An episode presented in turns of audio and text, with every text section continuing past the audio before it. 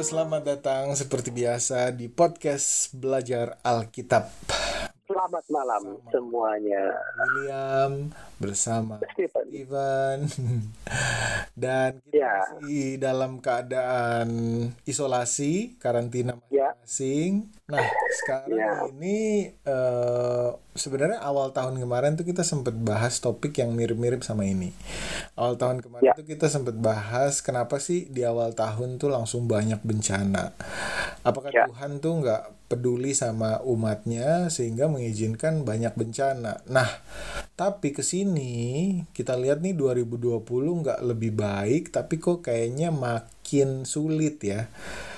Gara Nggak selesai-selesai. Ya, Yang nggak selesai-selesai dan gara-gara tambahan virus ini jadinya banyak sektor tuh yang dikorbankan dari segi ya nyawa, dari segi eh, apa namanya usaha, dari segi rejeki orang banyak yang dipecat juga, banyak Mhm. yang akhirnya nggak eh, gaji dipotong, nggak dapat THR dan segala macam. Jadi, oh kok lama-lama nih makin makin parah ya. sulit.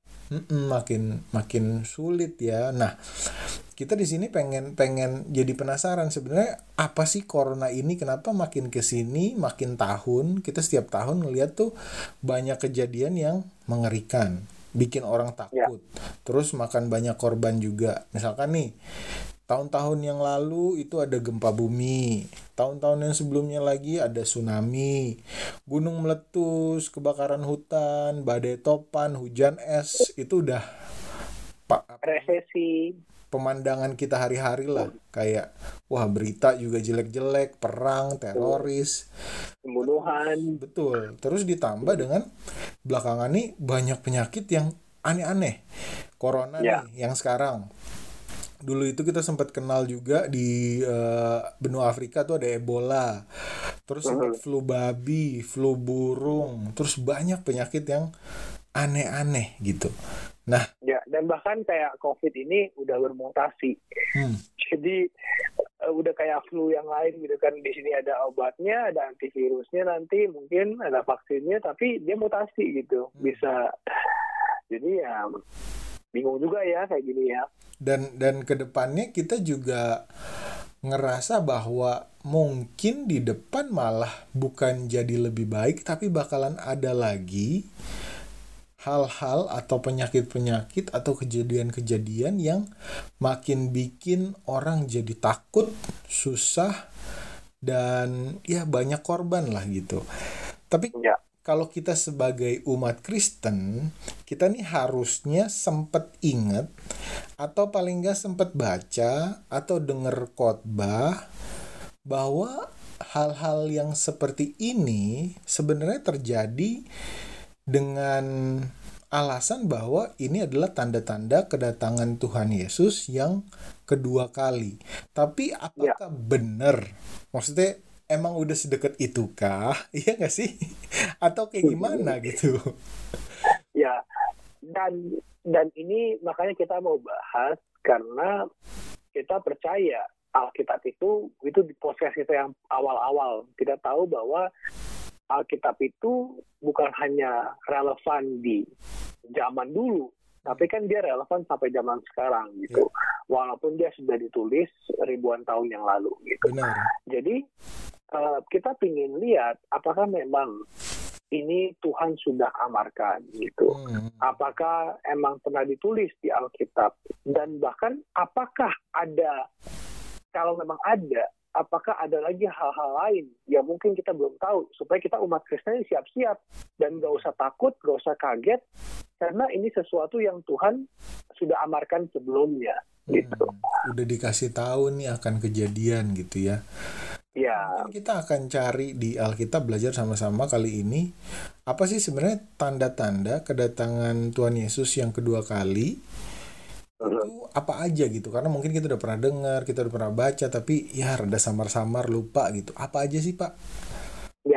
Eh, sebenarnya kalau pasti kita pernah dibaca pasal ini di buku Matius 24 karena itu ngomongin kedatangan Yesus kedua kali tanda-tandanya dan segala macam dan tapi kan biasanya kalau kita baca itu kita oh ya tanda-tandanya ini tapi masa sih udah kejadian kan itu next questionnya gitu Ya. emang kejadiannya kapan gitu Hmm. nah kebetulan Stephen sama gue udah sempat eh, belajar Hmm. eh, kita mendalami tentang hal ini dan dan juga kita mencoba melihat yang mana sih yang udah digenapi Hmm. yang memang udah kejadiannya sudah terjadi dan kita coba hubungkan dengan kejadian nyata yang memang sudah terjadi di dunia ini sesuai dengan Alkitab. Oke. Nah, kita bisa mulai dari Matius 24 ayat 2 dan 16. Ya. Ia berkata kepada mereka, kamu melihat semuanya itu, aku berkata kepadamu, sesungguhnya tidak satu batu pun di sini akan dibiarkan terletak di atas batu yang lain. Semuanya akan diruntuhkan. Ayat 16, maka orang-orang yang di Yudea haruslah melarikan diri ke pegunungan. Ini adalah perkataan Yesus ya kepada murid-muridnya. Dan ini lagi ngomongin tentang kehancuran kota Yerusalem. Hmm. Tapi memang pada saat itu nggak lama setelah eh, Yesus di kayu salib, Hmm. jadi di AD 70 Hmm. itu kita tahu bahwa ada eh, tentara Romawi yang bernama Titus dia yang menghancurkan kota Yerusalem. Hmm. Jadi eh, generasinya nggak sampai kayak kita kejauhan gitu ya, baru satu sampai dua generasi dan eh, Yerusalem pun sudah dihancurkan gitu. Bait Allah pun juga sudah dihancurkan. Hmm. Hmm. Hmm. Hmm. Ya, tapi kita mau coba lihat lagi yang yang makin ke sini gitu. Ini karena yang paling dekat sama yang Yesus ngomong pada waktu itu kan. Oke. Nah, kita bisa ke ayat selanjutnya. Kita lihat di Matius 24 ayat 21. Sebab pada masa itu akan terjadi siksaan yang dahsyat seperti yang belum pernah terjadi sejak awal dunia sampai sekarang dan yang tidak akan terjadi lagi. Wah, ini apa? Nah, eh, kalau ada yang familiar sama pelajaran tentang nubuatan. Jadi kalau di Alkitab kan ada eh, kitab Daniel dan kitab Wahyu. Ya. Dan secara garis besar pasti kita yang udah eh, biasa suka dengar khotbah atau dengar atau baca Alkitab pasti tahu oh ya kitab Daniel dan Wahyu ini adalah kitab nubuatan. Ya. Tapi walaupun kita nggak ngerti nggak apa-apa gitu. Cuman kita tahu ini nubuatan. Hmm. Tapi pasti kita pernah dengar juga yang ada namanya nubuatan 2300 petang dan pagi. Hmm. Itu umum banget. Nah, di antara nubuatan eh, dan 2300 petang dan pagi itu, di antara itu ada yang namanya masa kegelapan, yaitu di AD 538 sampai 1798. Hmm. Nah, apa yang terjadi di situ? Nah, yang terjadi di situ adalah lebih dari 50 juta umat Kristen itu dibunuh pada masa kelap, eh, kegelapan. Hmm. Mereka nggak punya akses untuk Alkitab, Alkitab dibakar, mereka sama sekali tidak eh, tidak tahu, nggak punya akses untuk kebenaran itu seperti apa, dan itu sempat beberapa generasi, karena 538 sampai 1798 Oke. tapi rupanya sudah Yesus selamatkan di uh, Matius 24 ayat 21. Hmm, hmm, hmm, hmm. Tapi ini kalau mau cari di Google gitu ada ya Pak? Nulisnya apa ya? Nyarinya apa ya? Ya, tulis aja coba uh, AD 538 sampai 1798 diketik aja gitu kan. Oke. Atau tulis masa kegelapan juga Masa bisa kegelapan gitu. umat Kristen gitu kalian nulisnya. Mm-mm. Ntar ketemu cerita tentang Atau The Dark Ages Hmm. uh, tulis aja 538. Pokoknya tahunnya ditulis dan itu uh, kalau banyak banget kok yang ngebahas tentang nubuatan juga di situ rata-rata mereka akan agree tentang hal ini karena ini eh, apa ibaratnya dari dari nubuatan 2300 petang pagi itu nadinya lah itu itu yang udah confirm banget lah gitu. Hmm, hmm, hmm. Oke. Ya. Tapi di sini juga dibilang bahwa eh, belum pernah terjadi sejak awal dunia sampai sekarang dan yang tidak akan terjadi lagi. Artinya ini udah lewat dan tidak akan terjadi lagi hal seperti ini. Iya nggak sih? Ya, tapi em, memang sih dia ngomongnya itu adalah eh, konteksnya di akhir zaman sebelum Yesus dat- eh, Yesus datang ke dua kali. Hmm, hmm. Nah, memang secara tepatnya kita lihat yang sampai 50 juta umat Kristen dibunuh itu memang tidak pernah ada kejadian seperti itu lagi sih. Ya, ya. Uh, maksudnya uh, yang kita udah dengar sekarang pun belum gitu. Ya. Tapi um, kita lihat kan Yesus nggak stop di ayat 21 gitu loh. Hmm. Dia masih ada yang lain-lain lagi gitu kan. Ya, Jadi um, kita bisa lihat mungkin konteksnya ini mungkin secara fisik enggak, tapi kita akan bisa lihat secara konteks yang lain apa yang bisa terjadi juga yang tidak pernah terjadi gitu loh. Oke. Kita lanjut kali. Ya. Kita lanjut. Matius 24 ayat 29. Segera sesudah Ya. siksaan pada masa itu, matahari akan menjadi gelap. Kita memang pernah, saya tahunya sekarang gerhana, gerhana matahari gitu kan, Hmm. atau em, apa namanya, Gerhana eh, ya gerhana bulan gitu. Tapi memang pada ada waktu benar-benar ini eh, bumi ini jadi benar-benar gelap gitu loh.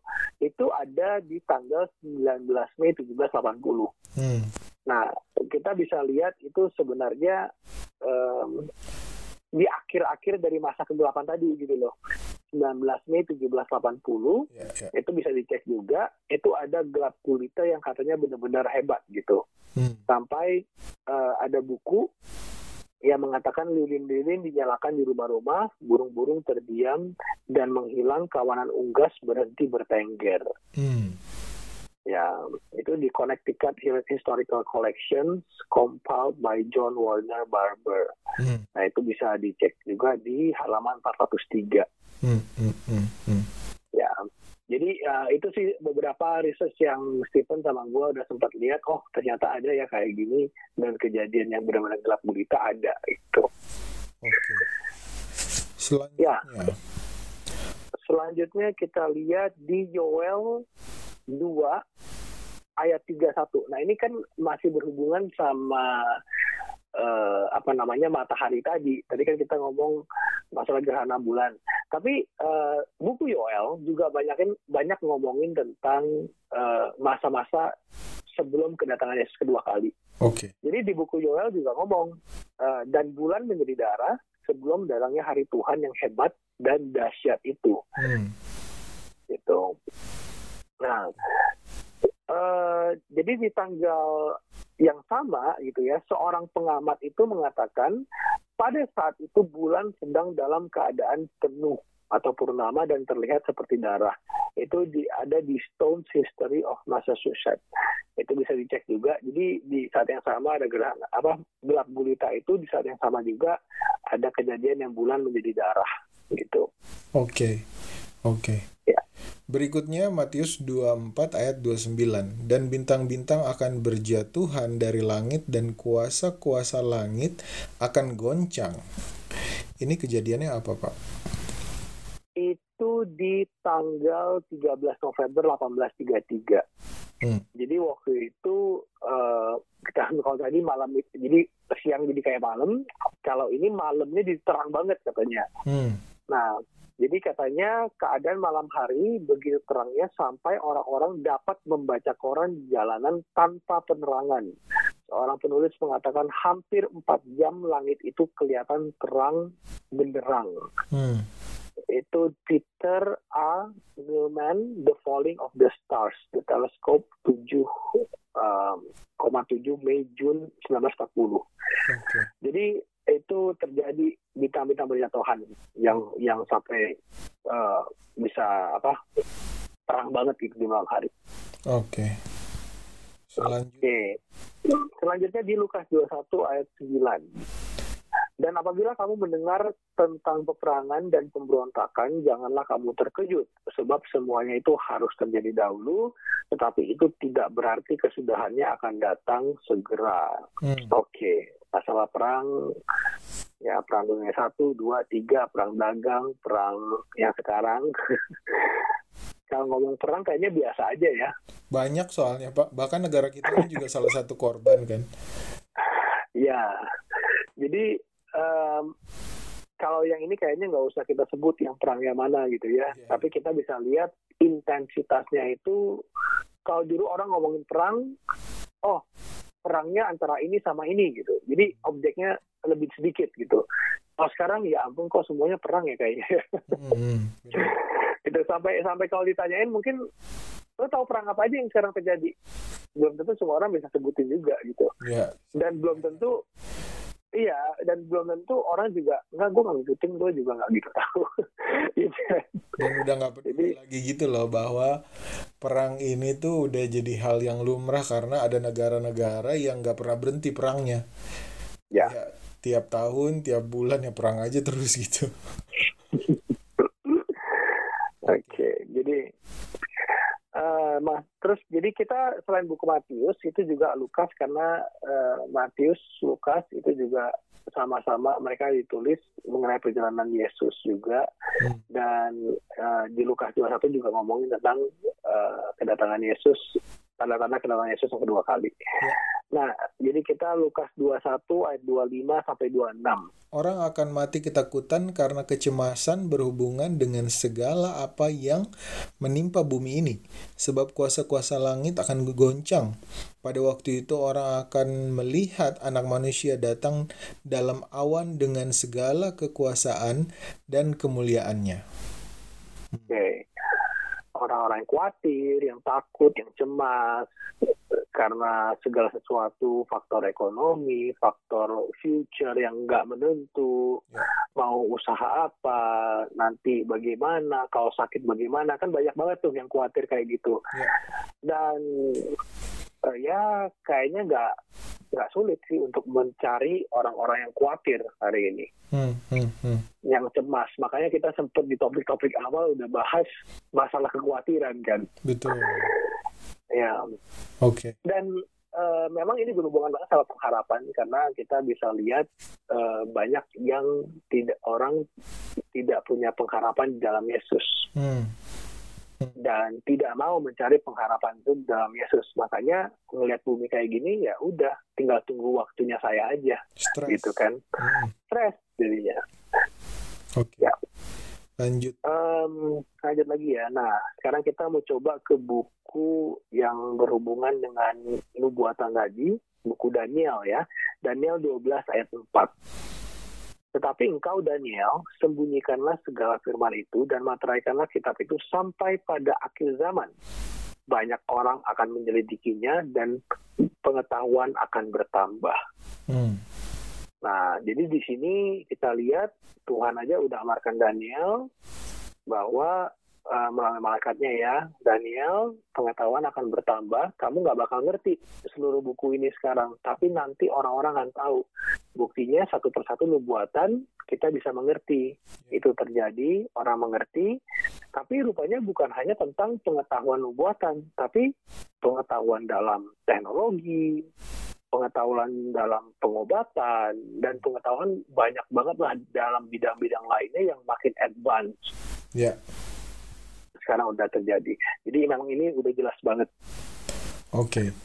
Selanjutnya di 2 Petrus 3 ayat 3.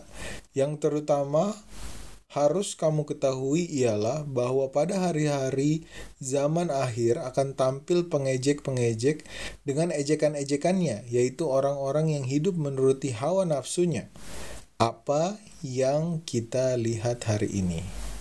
Yang kita lihat hari ini adalah yaitu ya di zaman maksudnya sekarang kita nggak bisa hidup tanpa internet jujur aja. Hmm. nggak apa-apa work from home yang penting ada internet. Hmm. dan kita nggak bisa hidup tanpa sosmed sekarang. Ya. ya uh, that's how kita connect dengan orang. Nggak literally connect tapi at least gue kepoin dia dan gue merasa connected aja sama dia.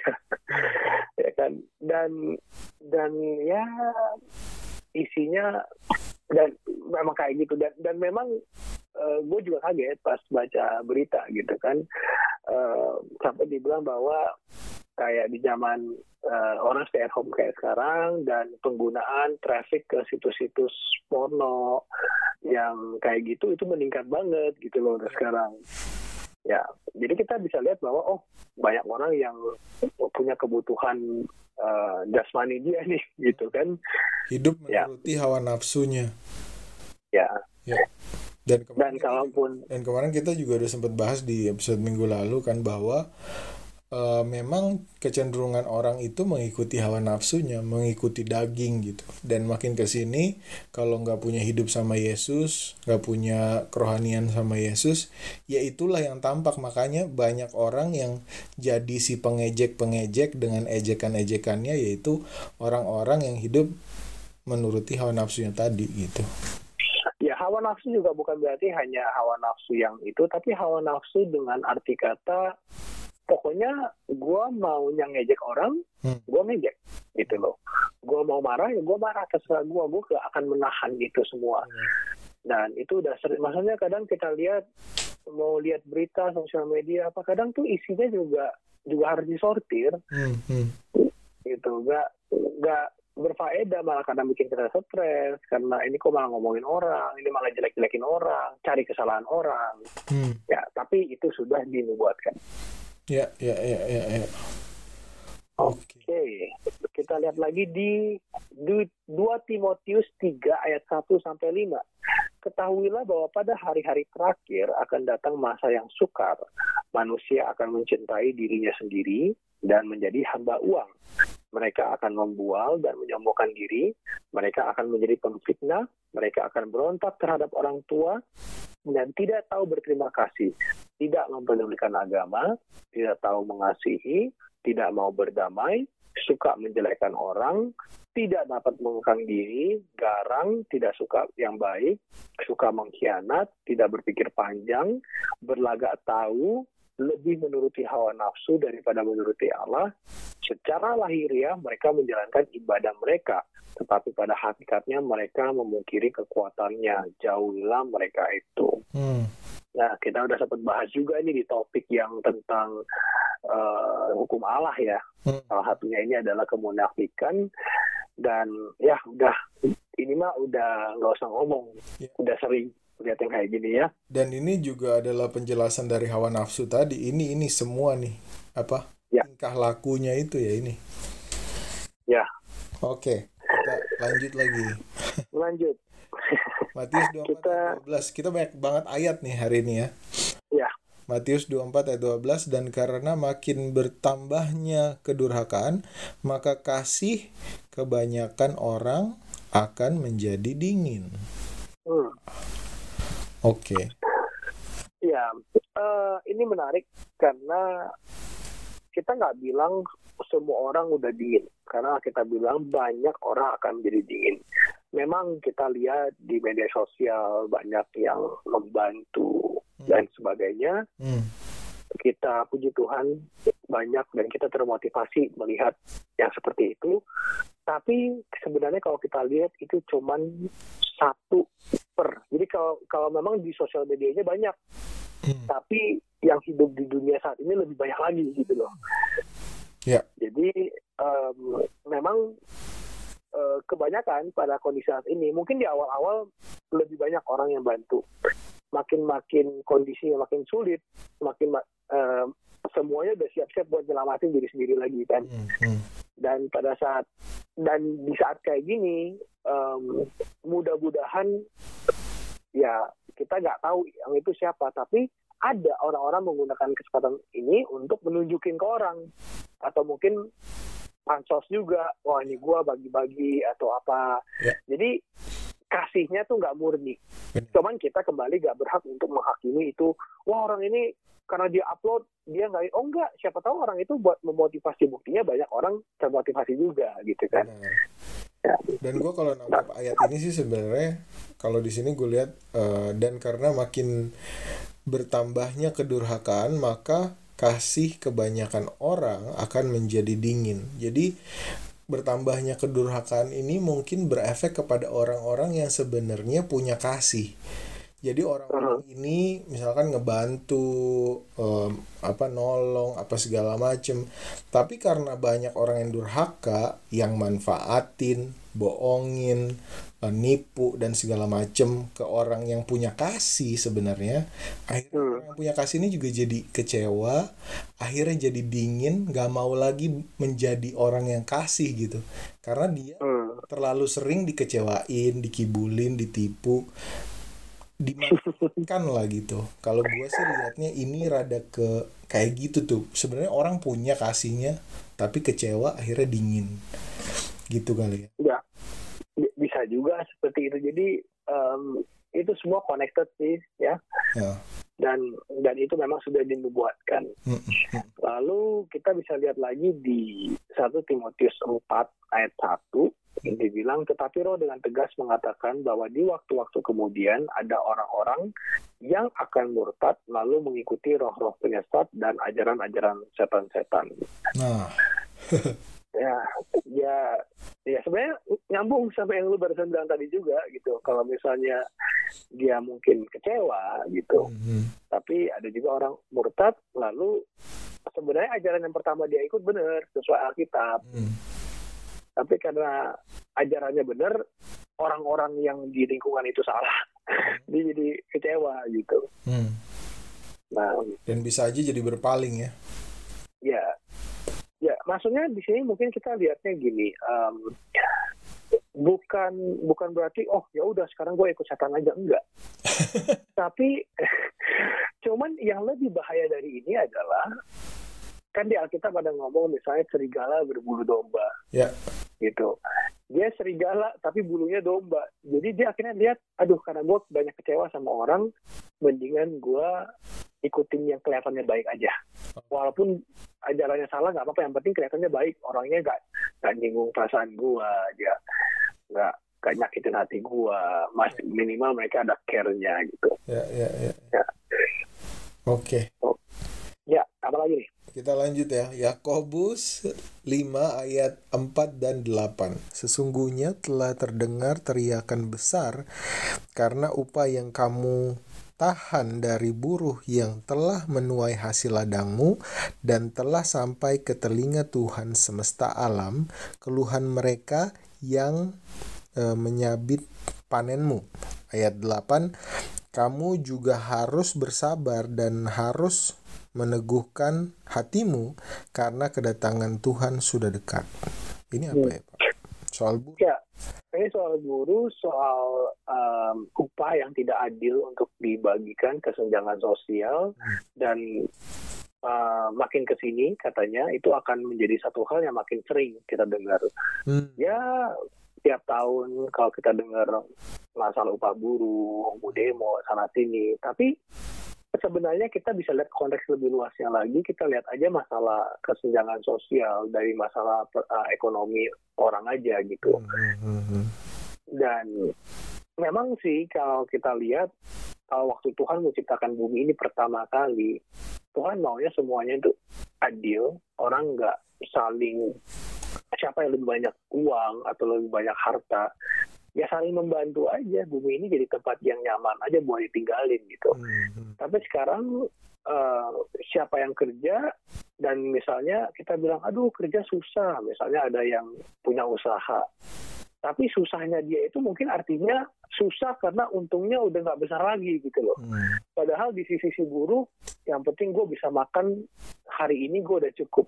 Jadi saya kita lihat dua pandangan yang yang sangat berbeda gitu. Hmm, hmm, hmm. nah dan dan ini masalah ini akan makin nggak bakal terselesaikan katanya sampai akhir zaman. Oke, oke. ya kita coba lihat lagi. Kita balik lagi ke Matius ya. Matius 24 ayat 14 dan Injil kerajaan ini akan diberitakan di seluruh dunia menjadi kesaksian bagi semua bangsa sesudah itu barulah tiba kesunggahannya. Hmm, jadi kita akan melihat juga Injil kerajaan surga kebenaran firman Tuhan akan diberitakan ke seluruh dunia dengan cara yang lebih lebih dahsyat lagi. Hmm, hmm, hmm. Sebelum kedatangan Tuhan. Ya. Ya. Kita puji Tuhan dengan ada teknologi, kita bisa pakai podcast, kita bisa pakai uh, online media yang lainnya gitu kan. Hmm. Dan memang inilah cara untuk bisa reach ke uh, banyak tempat gitu. Kalau di kota-kota mungkin kita pakai online media, kalau di remote areas mungkin masih banyak juga misionari yang pergi ke sana kan gitu. Benar. Ya. Hmm, hmm, hmm. Jadi memang ini akan terus berlangsung penyebaran firman Tuhan juga makin akan luas karena pada saat firman Tuhan ini sudah tersebar sampai ke semua orang barulah Tuhan akan datang. Ya. Oke. Lukas 21 ayat 11 dan akan terjadi gempa bumi yang dahsyat dan di berbagai tempat akan ada penyakit sampar dan kelaparan dan akan terjadi juga hal-hal yang mengejutkan dan tanda-tanda yang dahsyat dari langit. Nah, ini dia nih yang lagi Hmm. belakangan 20 tahun terakhir nih lebih mungkin karena gue hidup 20 tahun terakhir ya. Jadi gue Baru- nih baru mengerti. dewasa dan ngerasa bahwa oh kita sudah menjalani secara real hal-hal tersebut gitu gempa bumi apa penyakit lah kelaparan eh, tsunami dan segala macam gitu bencana alam tuh Ya. semakin aneh-aneh gitu Dan di sini em, ada satu kata yang menarik eh, yang gue lihat di sini adalah kata penyakit sampar. Kalau penyakit sampar itu kan penyakit menular, hmm. tapi yang basisnya lebih ke bakteria gitu ya. Ya. Nah, tapi kalau bahasa Inggris ngomongnya pestilence. Hmm. Kalau pestilence itu kan adalah penyakit menular gitu loh, penyakit wabah gitu ya. Hmm. Nah, jadi memang pas kita lihat kalau ngomong wabah, wabah itu nggak ada ngomong dasar wabahnya apa, bisa virus, bisa bakteri, bisa apa gitu ya. Nah, terus kita lihat keadaan dunia saat ini, Hmm. kok eh, sebenarnya corona ini adalah flu, ya kan gejalanya mirip flu juga gitu. Ya. Tapi ini lebih parah, dia sampai nyerang attack-nya paru-paru gitu Hmm. flu itu zaman gua waktu masih kecil, gua inget gua pernah sakit, tapi nggak sesering anak-anak zaman sekarang sakit. ya Zaman dulu kita vaksin ada, nggak banyak. Sekarang itu sampai punya buku vaksin dan nggak tahu berapa lembar namanya aja udah nggak inget apa aja gitu. Hmm. Jadi eh, kita lihat sebenarnya eh, mungkin wabah yang dari dulu tuh wabahnya udah ada. Mungkin flu itu juga salah satu hal yang memang nggak pernah beres, kan masalah sakit flu. Cuman begitu ketemu sesuatu yang baru yang belum ada vaksinnya, itu jadi sesuatu yang sangat menakutkan kelihatannya. Contohnya corona. Hmm. Ya, tapi Alkitab udah bilang hari ini mungkin corona, besok akan ada lagi COVID yang berapa lagi gitu loh. Atau kita nggak tahu wabah apa lagi yang bisa membuat orang sampai uh, work from home gitu loh. Sekarang mungkin wabahnya uh, karena dia masih virusnya masih uh, masih apa uh, trans transmitnya lewat water uh, droplets gitu. Hmm. Tapi kalau nanti lewat udara, aduh, mau jadi apa gitu kan? udah pada nggak bisa napas semuanya Iya, mau work from home juga pusing. Udara ini masalahnya gitu kan. hmm. Ya, jadi ya memang em, ini sesuatu hal yang mengerikan kedengarannya, tapi memang sudah diamarkan sama Tuhan. dan ini sedang terjadi sekarang jadi ini memang eh, kalau kita bisa confirm bahwa kejadian-kejadian yang dari tadi kita baca adalah dibilangnya tanda-tanda kedatangan Tuhan Yesus yang kedua kali dan Ya. eh, apa yang kita rasakan sekarang bahkan satu dunia seakan-akan shutdown itu juga eh, terbukti nih sekarang bahwa wabah ini membuat kita menjadi bingung, takut, susah dan segala macam. Tapi yang membedakan kita dengan orang lain adalah kita punya pengharapan dalam Tuhan Yesus gitu. Amin. Oke. Ya, terus juga di Matius 24 ayat 30. Hmm. Nah, dibilang pada waktu itu akan tampak tanda anak manusia di langit dan semua bangsa di bumi akan meratap dan mereka akan melihat anak manusia itu datang di atas awan-awan di langit dengan segala kekuasaan dan kemuliaannya. Hmm. Hmm. hmm. Nah, kapan ini terjadinya? Belum. Belum. Tapi ini adalah peristiwa besar yang akan digenapi sebentar lagi. Hmm. Karena Dan- memang, memang tulisan yang ada di Alkitab itu untuk kedatangan Tuhan Yesus penulisannya memang tidak ada yang tahu, tapi segera akan secepatnya gitu. Jadi memang yang dimak yang yang yang di yang dipesankan mungkin supaya kita juga bersiap-siap dekat sama Tuhan, jadi orang yang eh, mau mau mengaku dosa, bertobat gitu kali ya. Ya, makanya di satu sisi eh, ini ngeri, bikin orang ketakutan, cemas, depresi, Hmm. stres. Tapi kalau em, kita punya pengharapan, Hmm. tapi pengharapan yang kita tahu betul pengharapan kita itu apa, Hmm. kita seharusnya wah bentar lagi pengharapan kita ini akan menjadi nyata yaitu apa Ya. Yesus datang Ya. gitu loh Eh, pengharapan pun harus benar gitu. Jangan sampai pengharapan yang palsu Ya. Karena will be a better world gitu Hmm. kan? Karena sebenarnya kalau kalau gue sih ngelihatnya bahwa kadang orang salah persepsi gitu. Melihat ah kedatangan Yesus tuh seakan-akan hal yang sangat-sangat mengerikan atau kenapa sih mesti ditandai dengan kehancuran, bencana dan apa segala macam. Tapi Ya. kalau kita mau coba lebih mengerti lagi bahwa sebenarnya nanti nih kita akan bahas minggu-minggu ke depan sebenarnya tapi gua mau mau coba eh, apa namanya bagi sedikit apa yang udah gua tahu gitu ya kalau salah boleh lu koreksi tapi kedatangan Tuhan Yesus yang kedua kali itu sebenarnya untuk menyudahi penderitaan kita di bumi ini. Bumi ini ya supaya kita jadi eh, manusia-manusia yang yang yang dari tujuan aslinya gitu. Bahwa kita adalah orang-orang yang tidak berdosa dan bisa hidup kekal. Nggak ada lagi tangis nggak ada lagi penderitaan nggak ada sakit penyakit. Itu Ya. tujuan utamanya kedatangan Tuhan Yesus yang kedua kali.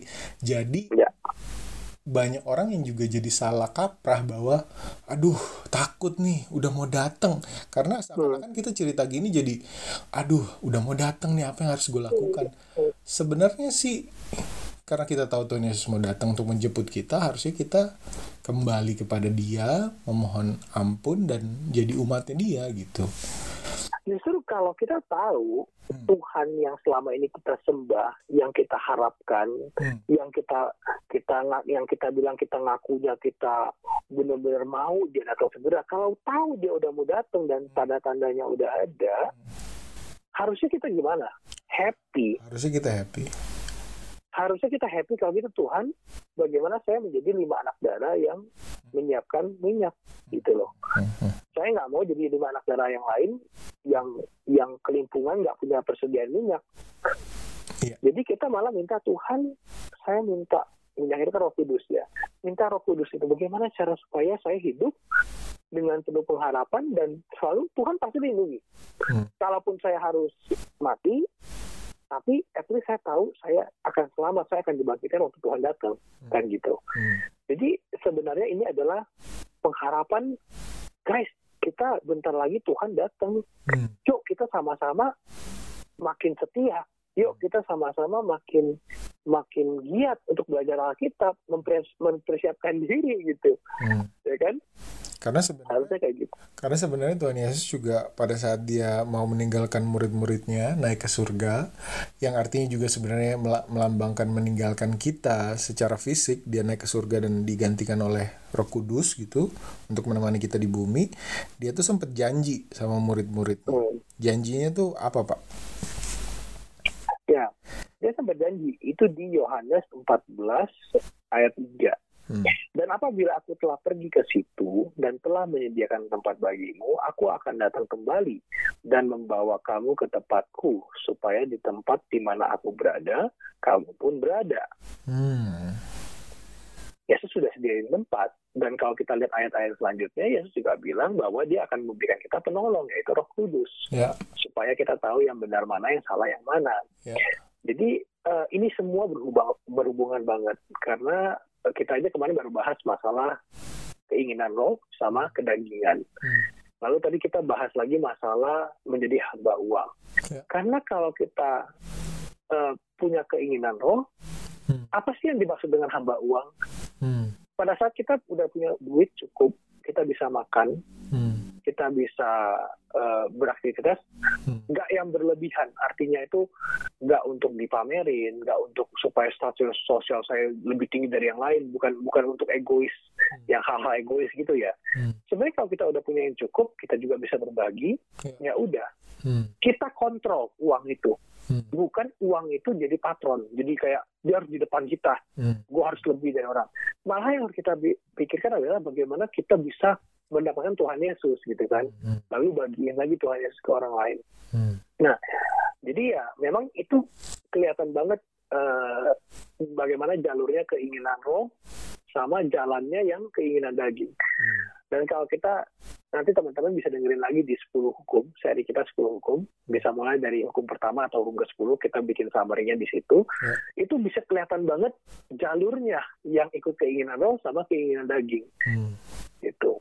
Dan intinya kita di sini lagi-lagi harus punya sikap yang sebenarnya happy dan kembali ke Tuhan karena di sini dia udah lagi sedang menyiapkan tempat buat kita dan bakalan datang kembali untuk membawa kita ke tempatnya dia, ke tempatnya ya. Tuhan yeah. supaya di mana Tuhan berada, kita juga berada. Itulah keinginan dia yang utama dan yang sebenarnya dan itulah yang dia usahakan selama ini bukan kita yang usaha Tuhan Yesus lah yang usaha untuk menyelamatkan kita selama ini ya dan itulah juga sebenarnya keinginan kita kan hmm kalau kita sekarang di bumi ini nggak melatih diri kita untuk menyukai atau hidup sesuai kehendak Tuhan, hmm. bagaimana kita bisa happy hidup sama Tuhan di surga dengan segala kemuliaan Tuhan, ya. standarnya Tuhan, kita nggak bisa ikuti nanti. ya. Benar, benar, benar, benar. Ya. Jadi memang surga itu harus menjadi tempat yang kita harapkan, tapi tempat yang menjadi tempat yang paling nyaman, hmm. yang itulah yang kita mau gitu. Hmm. Tapi kita harus latih dari sekarang. Kita harus mempersiapkan itu. Okay. Ya. Nah, eh, di episode berikutnya kita akan bahas lebih jelas lagi. Kita akan bahas eh, dengan cara apa Tuhan Yesus datang kedua kali. Terus siapa aja nih yang bakal ngeliat Tuhan Yesus datang kedua kali? Gue yakin sih sebenarnya banyak yang udah tahu bahwa ya siapa sih yang bakal lihat dat Tuhan Yesus datang kedua kali ya semua orang gitu. Terus uh, tujuan tujuan kenapa Tuhan Yesus datang kedua kali, terus uh, apa yang terjadi sama orang-orang yang benar orang-orang yang benar-benar benar. Iya. Iya, memang begitu, benar-benar benar. Ya, bukan yang benar tapi fake, enggak. Orang yang iya. benar-benar benar. Benar. Oke, terus uh, apa lagi yang kita akan cari di episode berikutnya? Kita akan lihat apakah setan berusaha juga untuk menjebak umat Tuhan dalam uh, apa namanya skenario nya dia supaya banyak juga yang nggak selamat. Apakah dia ya. akan melakukan sesuatu kita akan lihat juga nanti kita akan belajar di episode berikut. Terus apa yang terjadi sama orang-orang yang uh, tidak benar atau yang jahat atau yang tidak mau bersama Tuhan? Itu apa yang terjadi sama mereka Terus, nah nanti kita bisa lihat kapan sih tepatnya terjadi Tuhan Yesus datang kedua kali. Dan apa nih buat orang yang mau ya ketemu Tuhan Yesus, yang mau, pasti kita semua mau. Apalagi kita berusaha untuk belajar Alkitab uh, terus-terusan, pengen dekat sama Tuhan. Apa yang bikin kita yakin bahwa kita sudah siap nih untuk uh, kedatangan Tuhan yang kedua kali. Seperti itu. Oke. Okay. Bakal seru pembahasannya. Stay tune sama kita. Hmm. Kita belajar sama-sama. Kalau teman-teman ada respon, ada masukan atau ada pertanyaan, yes. bisa reach kita uh, eh, DM kita di Instagram. Hmm. Instagramnya belajar Alkitab Podcast. Yes. Ya, oh, jadi ada yang mau lebih personal, kita masih ada email uh, belajar Alkitab podcast juga at gmail.com. Ya. Gitu. Baiklah. Oke. Okay. Terima kasih sudah mendengarkan dan belajar sama-sama. Terus kuatkan hati kita untuk uh, apa namanya mau belajar, jangan kayak udah hari ini jangan deh, hari ini jangan deh. Ntar lama-lama jadi nggak mau belajar sama sekali. Segala sesuatu kita mulai dari hal yang kecil. Yes. Kalaupun kita mau merubah sesuatu, kita mulai dari small step. Yang penting itu adalah konsisten. Oke. Okay. Percuma kita lompat sejauh apa pun atau lari sekencang apa pun. Setelah itu kita stop dan tidak melanjutkan lagi. Hmm. Lebih bagus kita pelan-pelan, tapi terus ya. sampai tujuannya. Gitu. Oke. Oke, yuk kita berdoa yuk. Ya. Tuhan, Allah Bapa kami yang di surga, kami bersyukur Tuhan karena di saat-saat seperti ini kami masih punya waktu untuk belajar Alkitab bersama-sama.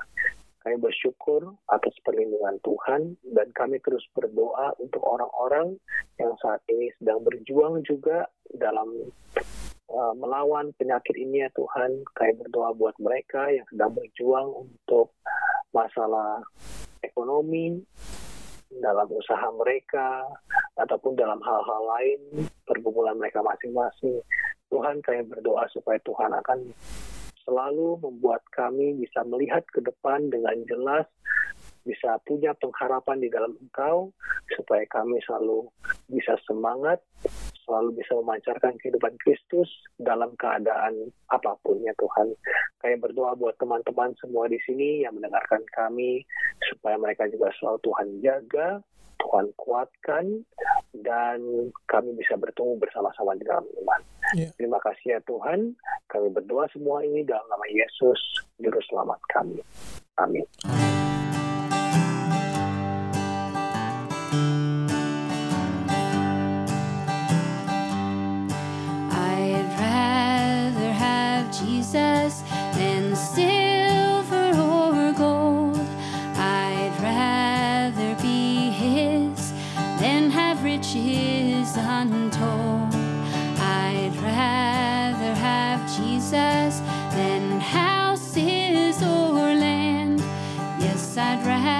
rather be led by His nail pierced hand. Than to be